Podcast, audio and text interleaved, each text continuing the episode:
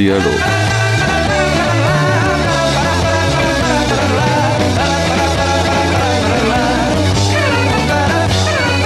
Podcast Gledališče in Lutke JSKD.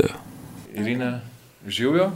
Uh, tole bo ponovni poskus podcasta, ki smo ga sicer že snemali v, med karanteno. Ja, pred veliko nočjo. Pred, ja, tik pred veliko nočjo, uh, pa smo imeli kar nekaj tehničnih, uh, tehničnih zapletov, zdaj pa smo se dobili kar uživo, smo na primerni razdalji. Prvo vprašanje, kdo je Irina Lešnik? Ja, spet najtežje za začetek. Ne? Uh, torej, tukaj sem, ker sem gledališko pedagoginja, ne, sicer zaposlena na Pedagoški fakulteti Univerze na Primorskem, letos že peto leto. Uh, in sicer se ukvarjam s tem področjem tako raziskovalno kot praktično. Pišem tudi doktorat na to temo, ki je nekako prvi v Sloveniji, ki se s tem podrobneje ukvarja. In uh, zato smo se pravzaprav tudi srečali, ne, ker poskušamo v okviru delovne skupine doseči nek sporazum, nek konsens o terminologiji, ki naj bi jo vsi uporabljali na tem področju, torej področju gledališke pedagogike. No, ker si ravno pripeljala uh, delovno skupino v ta mm -hmm. pogovor, kakšna pa je predzgodovina, oziroma kakšna je zgodba o nastanku delovne skupine? Uf, ja, ta zgodba se sicer začne že pred mojim časom, ker sem jaz vendarle relativno mlada raziskovalka. Um, že mislim, da od 90-ih, pa že prej, 80-ih, Draga Ahačič in uh, podobni, um, torej, tako teoretiki kot praktiki no, z tega področja, so um, prevajali mogoče nekoliko različno določene termine z področja gledališke pedagogike. In jaz sem se ob teh prvih poskusih nekako postavljanja svojega doktorata srečevala s težavami, kako pravzaprav eh, čemu reči, ne, tako da bodo vsi zadovoljni. In um, sem imela torej ne malo težav, naprimer drama v izobraževanju, ki je ključni pristop gledališke pedagogike, se prevaja drama v vzgoji, ustvarjalna drama, kreativna drama, izobraževalna drama. Je, je pač ogromno teh opcij. Zato sem res želela nek eh, širši konsens v, in v stroki, sami, torej akademski, in med učitelji, ki jim je to sploh namenjeno in za katere vse to počnemo. Uh, da bi ta doktorat torej, stal ne, na nekih res strokovnih, znanstvenih temeljih. In um, tukaj mi je bila veliko, v veliko pomoč Jelena Sitar Cvetko, ki je profesorica, s katero torej, skupaj delava, sem njena asistentka na fakulteti. In um, me je povezala z različnimi ljudmi, ki se tudi s tem ukvarjajo, jih je kar nekaj, sem ugotovila, smo pa uh, precej razdrobljeni. Ne. Tako da v okviru te delovne skupine smo se srečali Janti, ne, kot predstavnik Javnega sklada za kulturne dejavnosti, Sandra Jenko, ki predstavlja Slovenski gledališki inštitut, uh, Tomaš Lapajne.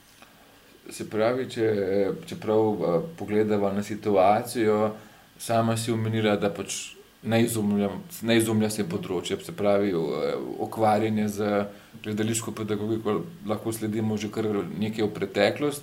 Uh, tudi se mi zdi, da je trenutno neka situacija, kjer, eh, kjer je tudi en cel kup projektov, ki se ukvarja ali prav s tem področjem, ali pa prikri, se prikriv, prikriva ja, ne, ja. s tem področjem. Uh, tukaj so tudi pač profesionalna gledališča, ki so uvedle uh, inštitut, bi človek rekel, ali pa poklic uh, uh, gledališkega pedagoga, se pravi, se, ukva, se pravi, nagovarjajo mlade obiskovalce, ki potem znotraj tega procesa se ukvarjajo z njimi tudi tako da so tudi uh, oni aktivni. Ja, tudi učitelje. Ne, in tudi, in ker učit... preko učiteljev gre lahko to do. do Veliko pač naprej, ne, med otroke, učence. Vse. Se pravi, nekako se zdi, da situacija je prava, da, da, da res poskušamo najti en konsens o terminologiji, ker zdaj se pa res v bistvu s področjem ukvarjajo že kar nekaj ljudi. Res je, res je. Um, mislim, da prav v tem trenutku, no, v zadnjih petih tudi mogoče desetih letih, je kar velika rast opazna. Ne. Kot si rekel, niso vsa društva, nevladne organizacije in tako naprej čisto prekrivna. Imamo gledališče zatiranih, imamo social theater operator, pač gledališče, ki se ukvarja z ranljivimi skupinami in podobno, ampak vsi imamo skupno v bistvu to, da gledališke metode, gledališke tehnike uporabljamo za neke druge cilje, ki so pač izven gledališki. Ne? Ni cilj ustvariti predstavo, cilj je mogoče spoznavati vem, motnje prehranjevanja, cilj je lahko tudi čisto preprost. Preučevanje periodnega sistema, ne? lahko gre za bolj kompleksne tematike, lahko pa čisto klasične, eh, šolske iz učnih načrtov, in gledališče nam pri tem lahko pomaga. No, se pravi, da mogoče čisto uh, plastično razloživa, ja. bi, kako, kako, si, kako se je znotraj skupine ta konsens, ki je bil predlagan, uh, terminologija, uh mhm. -huh. kaj točno zajema. Uh, pa bo mogoče potem lažje še kaj vprašati na to temo. Ja, ne, to je super vprašanje, ker dejansko vsi mislimo, da vemo, kaj je gledališka pedagogika, ne, ker vemo, kaj je gledališče, vemo, kaj je pedagogika, kaj pa nastane, ko, ko daš zdaj to dvoje skupaj. Uh, In s tem vprašanjem se je skupina, ki jo sestavljajo, kot sem prej naštela, vsi ne, strokovnjaki, kar nekaj časa ukvarjala, da smo to res razdelili in mislim, da nam je to dobro uspelo, ker imamo zdaj tri stebre ali tri vidike gledališke pedagogike, ki pravzaprav pokrivajo vse, vse možnosti, no, ki jih to področje ponuja. Prvi je gledališko ustvarjanje. Torej, to je tudi v slovenskih šolah že kar tradicionalno razširjeno. Eh, ustvarjanje gledališča z otroki. Pripravimo neko predstavo, lahko imamo za izhodišče dramski tekst, ni nujno, lahko tekst izpišemo sami. Danes je res toliko ustvarjalnih učiteljev, ne, ki delajo z otroki, ki res dajo poudarek tudi samemu procesu, ne samo kako bo to izgledalo na odru. Eh, in je to jasno za otroke super izkušnja. In tukaj imamo tudi umetniški gimnazij, v bistvu, kjer, kjer, kjer dejansko, če potem otroci gredo v program umetniške ja, gimnazije, ja. srednje šole, ne, v bistvu ta, ta steber bi zajemal to. Tako je, ja, gledališko ustvarjanje. Nekateri bodo nadaljevali še na akademiji, ni pa nujno, ker kot pravim, ni cilj, da ne, zdaj izobrazim, da smo vsi igralci, dramaturgi, režiserji. Um, to je dobra, dobra popotnica za marsikatero poklicno pot. Uh, no, drugi stebr, je nekako, če smo bili zdaj na odru, gremo zdaj v auditorij, torej recepcija gledališča. Um, kako imenovali smo ga nekako krovno gledališko opismenjevanje? Kako beremo predstavo? Ni nujno, da znamo brati predstavo. Ne? Otroke, učitelji lahko odpeljejo v gledališče, jih posedejo tam za dve uri in potem nihče več ne spregovori o tej predstavi v šoli. Uh, pa ni nujno, da so otroci razumeli vse znake, torej in ne vem, neverbalne, verbalne. Gledališče ima ogromno znakov, od same torej scene, glasbe, giba, eh, beseda je samo res eden, eden od njih. Vse to je treba znati brati, ne, v narekovajih. In dober učitelj otroke že pred predstavo pripravi na to, kaj sledi, na kaj ne bodo pozorni, in po predstavi jasno to tudi reflektirajo, se pogovarjajo. Ne da bi jim on usiljeval jasno neko interpretacijo, ampak da bi jih vprašal, kako ste pa vi to brali, kako ste vi to razumeli. Um, in zopet, kot si prej omenil. Ja, drama, naprimer, naše srednje gledališče ima zaposleno gledališko pedagoginjo, ki veliko sodeluje z učitelji ki jim tudi torej, lahko pomaga pri tej celostni obravnavi, da je ta obisk gledališča, kar se da ne, izčrpen, da, da odnesejo čim več in da se, kot upamo, v to ustanovo še kdaj vrnejo, tudi ko zaključijo obvezno šolanje. Ja, se pravi, tudi si sama omenila, da tukaj imamo eh, v drami zaposleno osebo, pa ja. tudi še nekaj drugih gledališč. Ja, ja imajo. Zdaj ima, mislim, da ima tudi mestno gledal, eh, gledališče že veliko tudi programov, ne izobraževalnih, imajo pa tudi izven Ljubljane, eh, v Koperskem, naprimer, ki je meni najbližje, ne, ker poučujem na primorskem, je bila do nedavnega Vanja Korenč, zdaj mislim, da jo nadomešča sodelavec. Ampak skratka se to razpira, ker pet let nazaj ne, tega še ni bilo, se je to pravzaprav šele uh, začenjalo, je bilo samo po sebi umevno, da pa učitelji vse obvladajo. Kje pa ne bi dobili ta, ta znanja? Ne? Pa za gledališko pismenjevanje meni se zdi lahko na tem mestu, meni moče tudi slogi, tudi tukaj dela in še nekaj projektov Sandra, na, to, na to temo. Uh -huh. Ja, Slovenski gledališki inštitut mislim, da ima res um, najbolj dodeljeno, tudi sodeluje z dramo, ne, jasno pri tem izobraževanju. Tako da skupaj z učitelji pravzaprav obišče predstavo in jim vse jih popelje skozi ta celoten proces, ne, od tega, kaj početi z otroki pred ogledom do tega, kako pravzaprav jim predstaviti samo gledališko institucijo, ki je več kot jasno samo to, kar je na odru, tudi za otroke je zelo zanimivo, kar je za odrom, od razne vem, umetne krvi, kostumov in vsega ostalega. Ne. Je lahko tudi že za mlajše uh, zelo fascinanten ta obisk in jim jasno približa gledališče, približa to umetnost, kar je naš ključni cilj. In zdaj pridemo pa na zadnji steber, ja. s katerim smo se, se mi zdi, največ ukvarjali. Res je, res je. In to preprosto zato, ker ni še uh, tako uveljavljen kot prejšnja dva.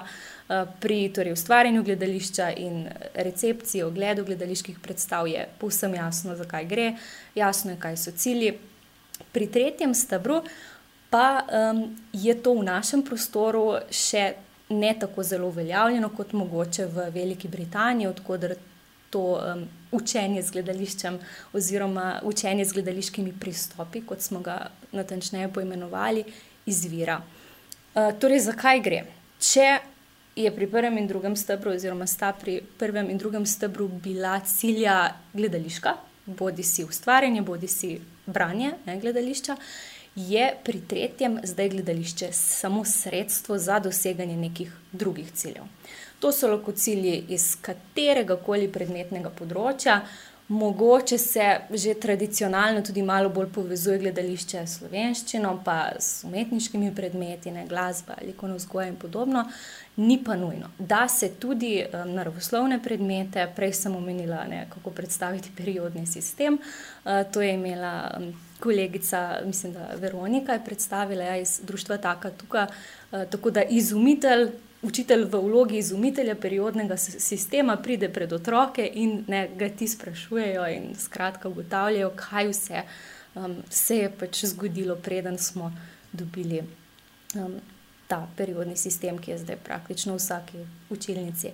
Um, tako da nekako širše pogledamo na določena dejstva, ki bi jih, če ne samo racionalno, ne zgolj razumom, sprejemali. In jasno, veliko raziskav je že dokazalo, da če se na snov čustveno navežeš, da če ti je ne, res pomembno, vidiš neko uporabnost, se uživiš v določeno situacijo z dušo in telesom, ne samo racionalno, da si te zadeve veliko dlje zapomniš. In to je načeloma tudi smisel šolanja, ne, da res torej neko znanje usvojiš za daljši čas, ne pa samo do testa. Ja, da, v bistvu, tako kot razmišljam, tudi sam eh, sem profesor zgodovine in uh mhm. -huh. je, nisem nikoli sicer učil v šoli, v resnici razen tistega obveznega pedagoškega prakse. prakse. Ja. Uh, ampak, ja, ko sem razmišljal, ne, ko sem z, se začel bolj poglavljati to vsebino, sem ugotovil, da pač absolutno lahko marsikatero osnov zelo, zelo dobro približaš učencem in tudi nagovoriš mogoče učence ki, so, ki se lažje učijo, če so aktivni, če mm -hmm. se mhm. premikajo. Se pravi, da, uh, ne, da upoštevaš tudi eh, različne načine, kaj ti uč, učno bolj odgovarja. No? Tako da uh, se mi zdi, da absolutno, uh, zdaj ne vem, bom najdel kakšen pameten vprašanje okay. na to temo. Uh, mogoče je to bolj kot komentar. Ali ga lahko dopolnim? Ja, Ker se mi je ravno, ko si zgodovino omenil, ne, um, en zelo lep primer. Um, pač sem se spomnila na en zelo dober primer. Um, jaz sem bila, mislim, da dve leti nazaj, že zdaj v Birminghamu. Uh, kot sem rekla, v Veliki Britaniji se je to se sploh začelo z Dorothy Hedcott in Gavinom Boltonom, ona dva sta nekako utemeljitelja sodobne gledališke pedagogike, so jasno tudi Boal, Freire in podobni, torej iz Brazilije in drugih eh, neanglosaških držav, ki so se ukvarjali s sorodnimi smermi, ampak to vrstna gledališka pedagogika pa domuje v Veliki Britaniji. No in eh, med tem gostovanjem sem hospitirala pri uri zgodovine, si jo ravno omenil, kjer so desetletnikom, deset-enajstletnim otrokom predstavili holokaust s pomočjo drame v izobraževanju. To je naprimer zelo težka, ne, kompleksna tema, ki se jo da zelo na kratko, z levo roko, ne, čim prej pač obravnavati in iti dalje, ali pa se res poglobiti in otrokom to prikazati pač bolj celostno. In tukaj mislim, da je učitelj to res um, pač poglobljeno naredil s pomočjo drame v izobraževanju. Uh, ne vem, če smo, če smo že tudi povedali, kaj drama v izobraževanju pravzaprav je, ampak bom, bom oboje hkrati skozi primer še lažje to razložim. Torej, ne gre za klasično dramo, um, še vedno imamo strukturo drame, neke zgodbe, stopnjujemo dramsko napetost, ne, na koncu razrešimo določen konflikt, problem. Eh, ni pa zdaj to drama, ki bi jo predstavljali občinstvu, ki bi vem, se učili tekst na pamet in tako naprej.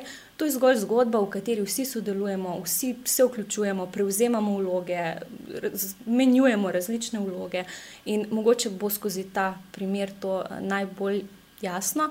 Učitelj je torej prišel v razred in spomnil otroke, ne, da so se prejšnji uro pogovarjali o tem, kaj se je dogajalo v 30-ih v Nemčiji, um, in jim povedal, da bodo danes slišali torej, še neko drugo perspektivo na, na to obdobje. Uh, začelo se je samo tako, da jim je predvajal zvoke razbijanja šip in oken, kristalne noči, uh, in hkrati je učiteljico dva sta to izvajala, eh, sodelovko prosil, da se postavi v vlogo židovske deklice Inge, eh, ki je jasno to noč preživela pod mizo z zaprtimi ušesi, ne tresla se in tako naprej. Ta deklica je bila pravzaprav sovrstnica otrok, ki so spremljali in sodelovali v tej drami, eh, na kar jim je povedal.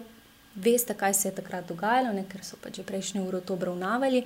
Predstavljate si, da bi morali jutri zapustiti dom, ne, kaj, vse, kaj bi vzeli s sabo, če bi lahko vzeli samo tri stvari.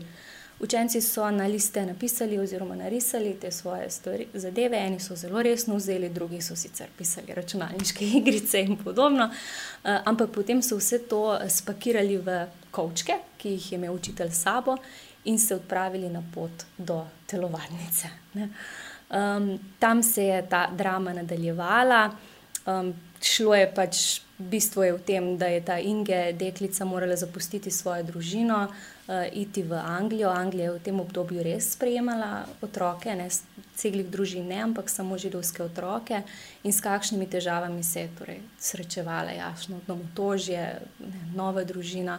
Uh, zanimivo pa se mi je res delo, da niso tega izpeljali, ne, leta 1939 se je začela predstavljati in tako naprej. Ne.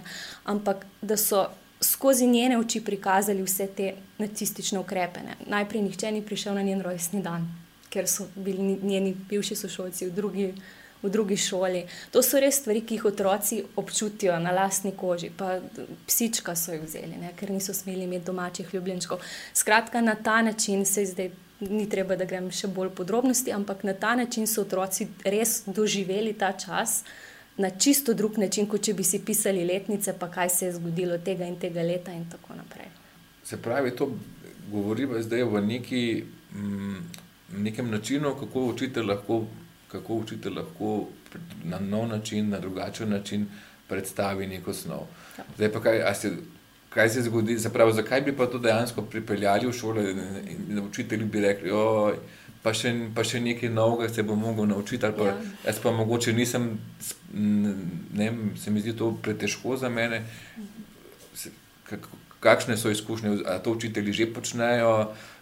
Se mi zdi, da kakšne že poizkušajo. Jaz se spomnim svoje učiteljice zgodovine, ki mogoče ni bilo čisto isto, kot bi bilo drama izobraževanja, ampak neki, neki zametki tega pa so že bili, kako smo osnovi obravnavali. Tako da uh mhm. -huh. mogoče gre tukaj samo še za nadgradnjo. Nekaj, ja, ja, ne? ja, se strinjam. Eh, metoda igre vlog, ne, ki pravzaprav je ključni del drama v izobraževanju, da prevzemamo vloge in mi, torej učitelji in učenci sami. Ne, tudi v tej drami so oni prevzeli vlogo in njenih prijateljev in tako naprej. Um, služi jasno temu, da se bolj uživiš v katero koli področje. In mnogi učitelji, sploh pri tujih jezikih, mislim, da angliščina, naprimer, tudi jaz sem imel, naprimer, italijanščino, so bolj um, nekako prej mogoče stopili na, na to interaktivno pot.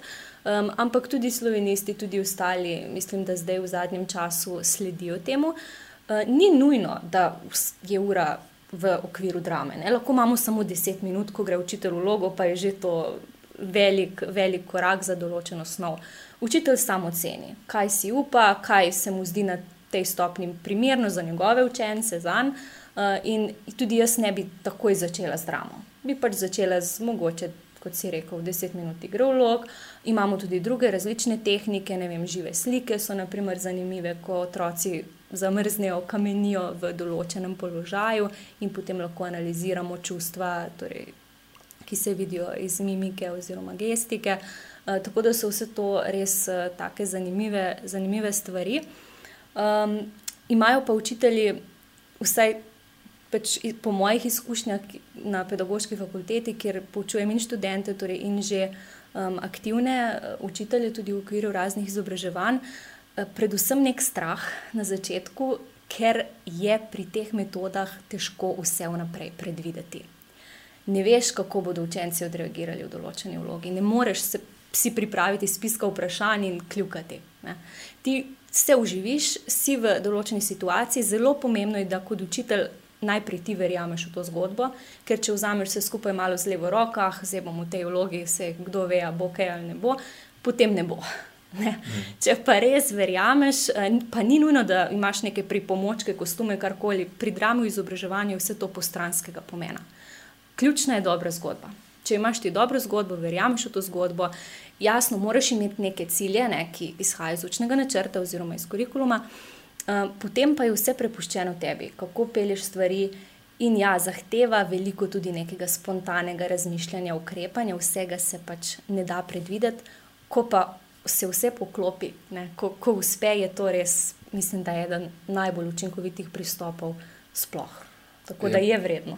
Ja, zdi se mi pač, da včasih je tudi uh, problem, sem problem, problem ne pomislek. Uh mhm. -huh da pač, ko bom zadevo ponovil za drugo skupino, ne, bo to spet neka čist nova, nov, nova zgodba. Seveda bom ja. imel verjetno iste učne cilje, uh mhm. -huh. ampak kako bom pa do njih prišel, pa ni to ni preprostega recepta. Če bom to pa to. Uh, naredil, če bom tako se lotil, bo odziv otrok točno tak. Ne, ne, to je težko. Ker vsak, vsi otroci so pač drugačni, vsak razred je drugačen in uh, kot si rekel, neki ključni cilji morajo biti, ne? ker če ne, stvar postane kaos. Ampak kako pa priti do njih? Mogoče bo eno skupino zanimalo nekaj čisto drugega, bolj, oziroma bodo pač želeli v neko drugo smer. In dobro jim je v tem primeru tudi slediti do neke mere, ker morajo imeti občutek, da je to uh, njihova drama, da, to, da, da nismo mi kot učitelj tisti, ki vse vodimo in oni sledijo, ampak da tudi njihove odločitve, njihove zanimanja štejejo. Drama v izobraževanju pravzaprav izvira iz simbolne igre. Simbolna igra je čisto naravno stanje otrok pri določeni starosti, torej še v predšolskem obdobju, in potem mi to nadgradimo. Ne, to njihovo čisto spontano uživanje v situacije osebe nadgradimo z določenimi učnimi cilji in jih jasno delno vodimo. Ampak tako pravzaprav malo manipulativno, ne, da imajo oni še vedno občutek, da, da je to njihova igra drama. Mhm. Se pravi, zdaj pa pridemo na, ko se vprašamo, zakaj bi to počeli. Ne? Uh -huh. pa, pa nekako občutek imamo, pa tudi neke raziskave so, da takšno učenje zagotovo, zelo ta celovit pristop k učenju. Uh, omogoča bolj poglobljeno učenje, zdaj pa tudi mislim, da en del doktorata tvoj se je ukvarjal z tem. Prav, s tem. Ja. Uh, ja, kako, kako je pa s tem področjem? Še vedno to naj, najtežji najtežji del je ravno to nekako kvantificiranje ja, ja. izkušnje. Ne? Ne, absolutno si jaz predstavljam tudi, um, da je to res neka polna izkušnja in da, da za mene, kot, če se zdaj predstavljam v vlogi učenca, bi bilo to super zanimivo in gotovo bi, uh, bi to res zelo doživljal in si mislim, da bi to tudi zapomnil. Ne? Ampak kako je pa z temi raziskavami, kaj, kaj pravijo raziskave na tem področju? Ja, to je res tako spolsko področje, spolzek teren. Eh, so določeni gledališki pedagogi, ki jih sama zelo cenim. In ko so slišali, naprimer, da bom poskušala izmeriti učinek tega pristopa, so rekli: Vso srečo, ampak jaz se tega ne bi šel. Ne.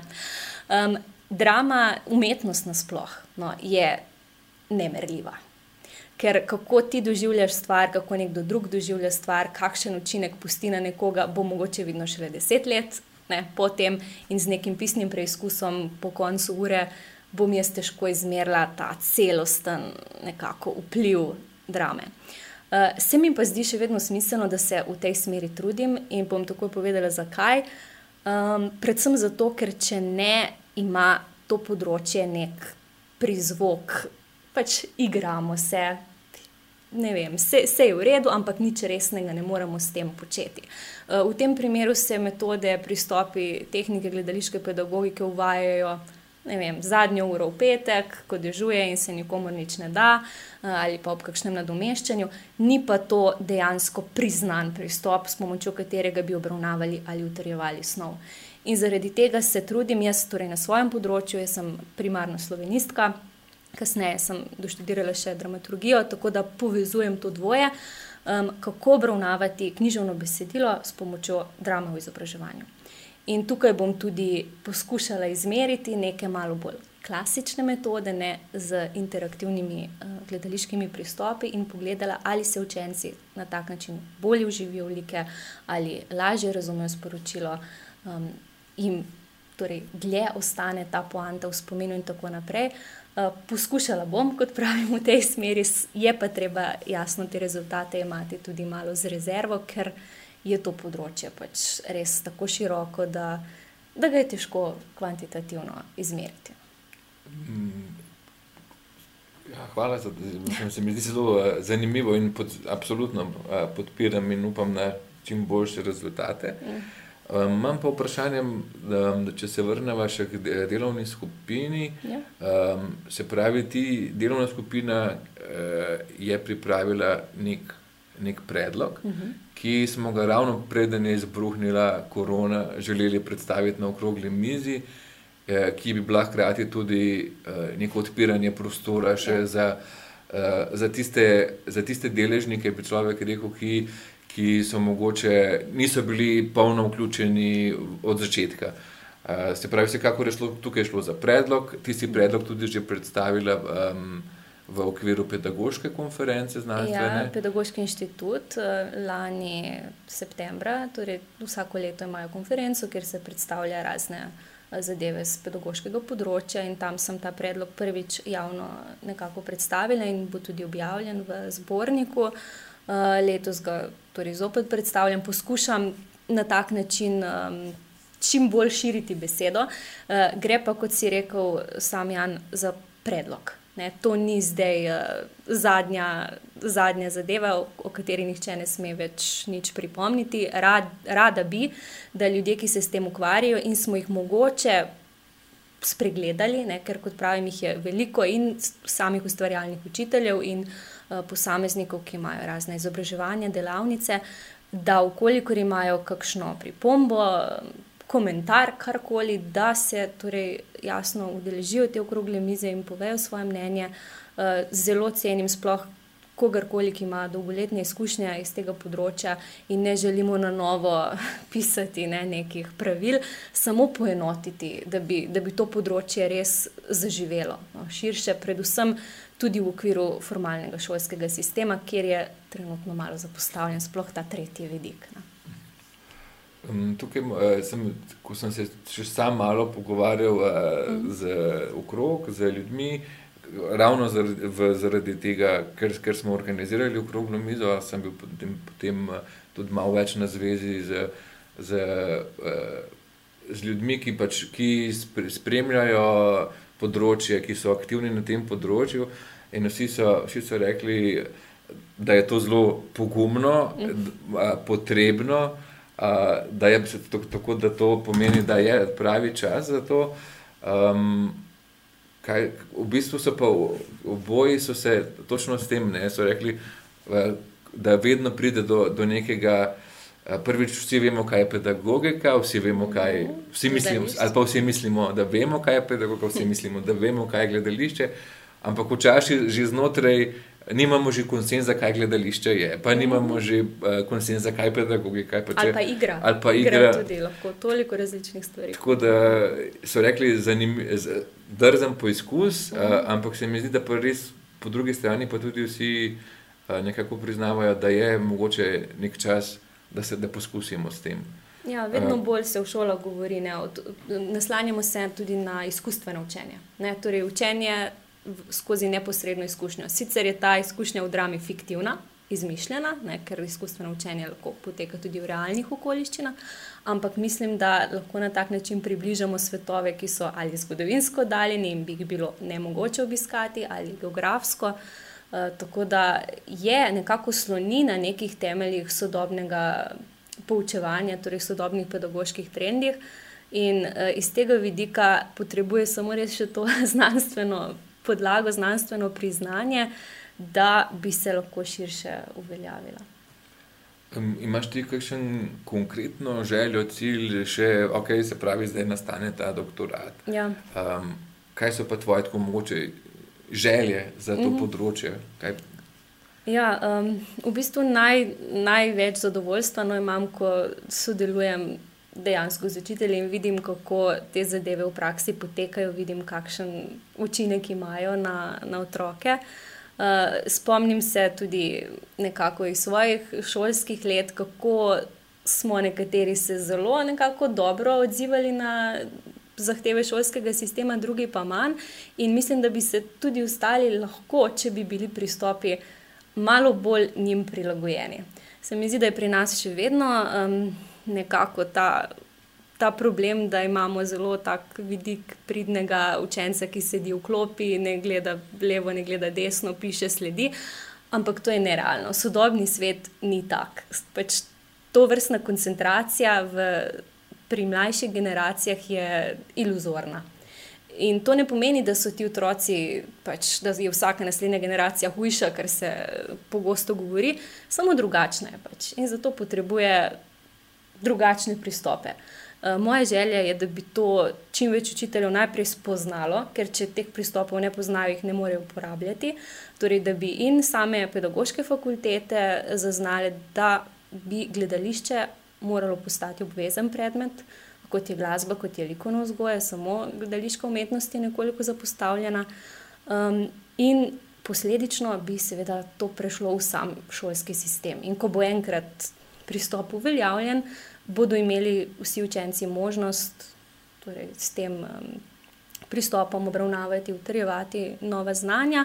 Nekaterim bo jasno to bolj ustrezalo, drugim manj. Ne pravim, da bi moral učitelj vsak dan izvajati dramo v izobraževanju. Ne. To ni, niti bi izgubilo ta čar, ki ga ima. Ampak občasno pa mislim, da bi bila to zelo, zelo smiselna pot. Sploh pri kakšnih bolj kompleksnih tematikah, kot je bil prej holokaust, ne, pa razne težave, s katerimi se srečujejo najstniki. Uh, ni to namreč tudi omejeno glede na starost. Ne. Pogosto mislijo, ja, igramo se v vrtu, potem v šoli, pa da jim zdaj resno delati. Drama je zelo resno delo, lahko. če jo vzamemo, seveda resno in najprej jo morajo tako vzeti učitelji, uh, potem pa to prenesti tudi na svoj razred. Okay, jaz mislim, da sem. Da smo šli čez eh, vprašanja, ki nekako so bila predvidena, uh mhm. -huh. pa je mogoče to zdaj mesto, da te vprašam, bi si sama sebe kaj vprašala, pa, okay. pa nisi bila vprašana. Uh -huh. Ali pa se pravi, nek medklic, kaj še lahko ja. poveva, pa da je zanimivo. Vse se mi zdi, da, da zdaj iz tega pogovora si že lahko nekaj predstavljamo, kaj se dogaja, pa kaj naj bi se še dogajalo. Sem veliko že povedala. Um, ja, mogoče zakaj sem sploh nekako pristala um, na, tej, na tej poti, ne vem, če sem to opredelila. Povedala sem, da sem študirala slovenščino, uh, tam sem. Um, nekako spoznala gledališče, bilo ga je sicer še vedno relativno malo v predmetniku, ampak sem eh, že takrat začela pisati gledališke kritike. In ko enkrat začneš secirati ne, predstavo, vidiš, kaj vse pravzaprav je za, za tem uh, umetniškim delom, um, ko vsi ti znaki, vse te podrobnosti, da celota naredi tak učinek, kot ga. Uh, in kmalo sem nekako čisto spontano začela to povezovati tudi s pedagoškim delom, ne? ker se mi je zdelo, da bi lahko ti ne, interaktivni gledališki pristopi spadali tudi v šolski kontekst. Uh, ugotovila sem, da pri nas je to sicer dokaj nova stvar, v tujini pa, kot pravim, sploh anglosaški svet bolj uveljavljena, tudi tam se jasno srečujejo s težavami, ne ni vse, tudi druge, super odlično, financiranje umetnosti v šoli in tako naprej. Uh, ampak dejstvo je, da je gledališče torej, zagotovo neka obogatitev uh, trenutnega stanja in se mi je zdelo, da lahko sploh, ker z eno nogo stojim v pedagoškem poklicu, z drugo v umetniškem, ne, to dvoje povežem. Vem pa, da sem jaz samo ena ne, in seveda rabim veliko podpore in praktikov in uh, teoretikov, tako da bi mogoče na tem mestu povabila morebitne interesente, ki bi radi sodelovali tudi v moji raziskavi o učinku drame na obravnavo književnega dela. Um, učiteljice, kogarkoli, da me kontaktira, moji podatki so na torej, strani pedagoške fakultete, Univerze na primorskem, tako da bom zelo vesela vsakršnih sodelovanj. Super. Eh, mogoče zdaj, ko si, ko si še enkrat eh, tako lepo si žela, kako se je stvar začela. Ja. In si že prej večkrat v pogovoru omenila, pač, eh, da, da imamo tukaj izredno močno anglosaško tradicijo, uh -huh. da, je, da je ta gledališka pedagogika oziroma drama v izobraževanju doma v Veliki Britaniji, ja. ampak močno tudi v Avstraliji. In, uh mhm. -huh. Ja, Avstralija je zelo močna. Mm, ja. Imamo pa tudi konkurenčen, ne, ne čisto podoben, ampak konkurenčen model, tudi, oziroma neko tradicijo tudi v nemškem svetu, gledališke uh mhm. -huh. pedagogike, uh, pa tudi mislim, da na češkem. Ja, na češkem sploh je gledališče velik, ima pač velik vpliv na razna področja, tudi v Angliji, ne, se je s Shakespearem začelo. Ne. Če imaš ti nekega predstavnika, um, vidiš to moč gledališča, ga potem lahko apliciraš dalje. Uh, imajo tudi programe imenovane aplikativno gledališče, ki pomeni ravno to, ne, da vzameš ti to umetnost in jo apliciraš na različna področja. Lahko se grejo torej, razne zadeve z gledališčem v zaporih, v bolnišnicah, v sirotišnicah, v šolah, jasno. Skratka, apliciraš gledališko umetnost dalje za to aplikativno gledališče. Obstajajo tudi gledališki ansambli, ki se ukvarjajo prav specifično s tem. Naprimer, gostujejo samo po šolah in uh, njihove predstave, jasno, so zelo interaktivne, participatorne, ne, uh, dosegajo razne izobraževalne cilje, ne samo umetniške. Super. Um, zdaj pa v bistvu za zaključek je tis, zdaj za tebe ne bo presenečenje, eh, ker, ker so, kot omenjeno, že posku, imeli en poskus tega pogovora. A, ja. eh, tako da imamo pet zaključnih vprašanj. A, pa sem pozabila, kaj so bile. Tako ja, da mogoče bom drugače. Pa, pa, malo bodo, pa malo bodo obrnjene, eh, ker pač je karantina vmes, oziroma ukrepi so se že sprostili. A, res je, res je. Ja. Da, ampak bo, bova probala vseeno. Prvo vprašanje je, eh, ker je sklop cikl, serija, kako koli teh pogovorov, ki jih imamo, uh, naslovljena dialog. Uh -huh. uh, kaj tebi pomeni dialog, zelo na kratko, uh -huh. na prvo žogo? Dialog. Ja, torej neke medosebne odnose, ki se lahko vzpostavijo samo skozi dialog, bodi si verbalni, neverbalni. Um, potem naslednje vprašanje je, se pravi, uh, zadnja predstava, ki si jo z užitkom pogledala? Aha, sem zdaj ne sme biti posnetek, ne? Ne, ne. v času karantene neštejo. Um, ljudje v mali drami. Ljudje v mali drami. Uh, najljubša predstava vseh časov. Bom rekla, kralj bi, v katerem je še uh, pokojni Šugman igral. Uh -huh. Potem pa Zadnje vprašanje, ki je bilo, je bilo, kaj je prva stvar, ki jo boš naredila, ko se karantena konča. Ampak sedaj obračam stanovanje, kaj je bila prva stvar, ki si jo naredila, ko se je karantena končala. Pa je bila kar ta, ki sem, mislim, da rekla, da jo bom. Torej, šla sem na morje obiskati starše v drugo občino. uh, tako da, ja, iz Ljubljana sem, končno sem zapustila stanovanje v Ljubljani in malo bolj zadihala. No. Uh, Irina, hvala lepo za pogovor. Hvala uh, tebi, Jan. Tako da upam, da se čim prej vidimo na okrogli mizi. Spremljajte, ja. napovedujemo, je, bila je predstavljena. Ja. Uh, nimamo še novega termina, ampak delamo na tem. Najbrž jeseni, ne jeseni, se začne jeseni, jeseni. Novo, novo šolsko leto. Thank you.